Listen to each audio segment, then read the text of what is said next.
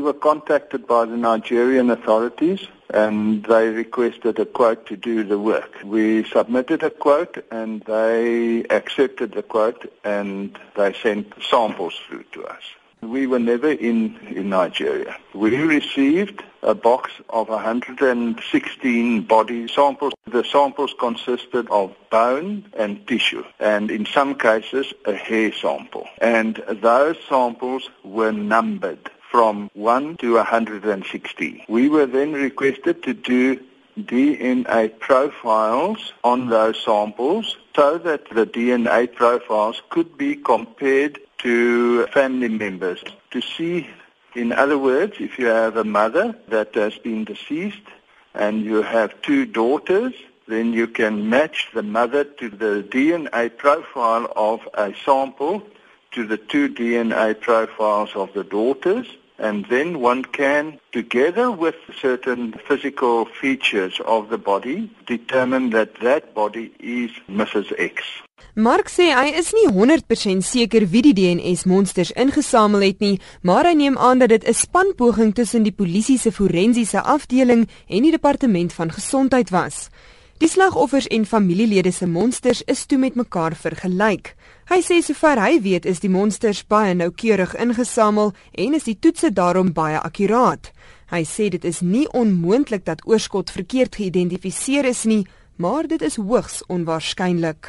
I won't say it is impossible, but it is highly highly highly unlikely.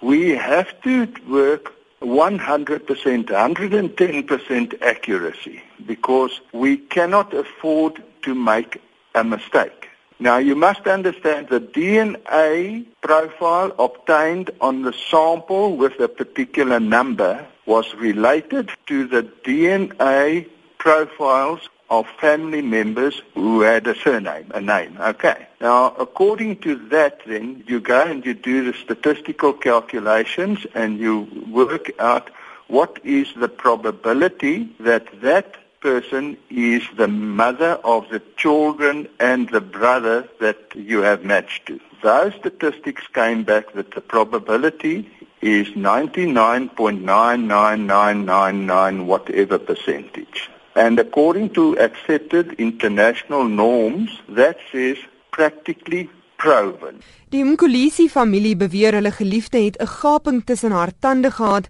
maar dat die lijk wat aan hulle besorg is, se tande anders lyk. Mark sê die kans dat 'n fout deurgeglip het is baie skraal. It is really a remote possibility. That is a process that I can't vouch for. That you must understand. All that we can say is the sample that we had with a number was matched to that family. That we are 100% certain.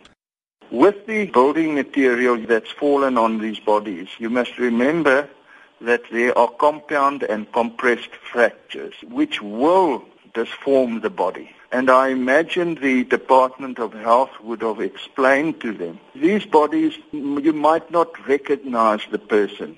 Dr. Munro Marx van die Universiteit Stellenbosch Die verslag van Jacques Steenkamp. Ek is Henry Wondergem in Johannesburg.